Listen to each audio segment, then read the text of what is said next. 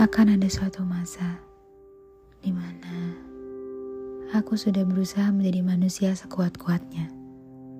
Berusaha untuk menjadi manusia yang begitu tenang dalam menghadapi banyak hal. Tetapi ternyata aku adalah manusia biasa. Aku masih memiliki rasa lelah dalam menghadapi kerasnya dunia.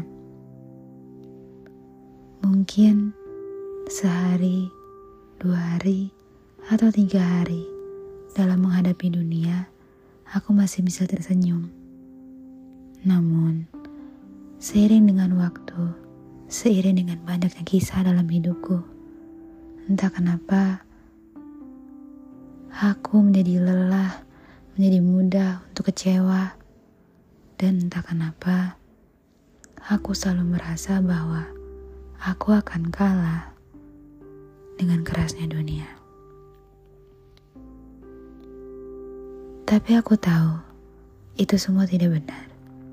Mungkin Tuhan selalu memberikan ujian untukku agar aku bisa menjadi orang yang lebih baik, yang lebih kuat dalam menghadapi dunia yang begitu keras padaku.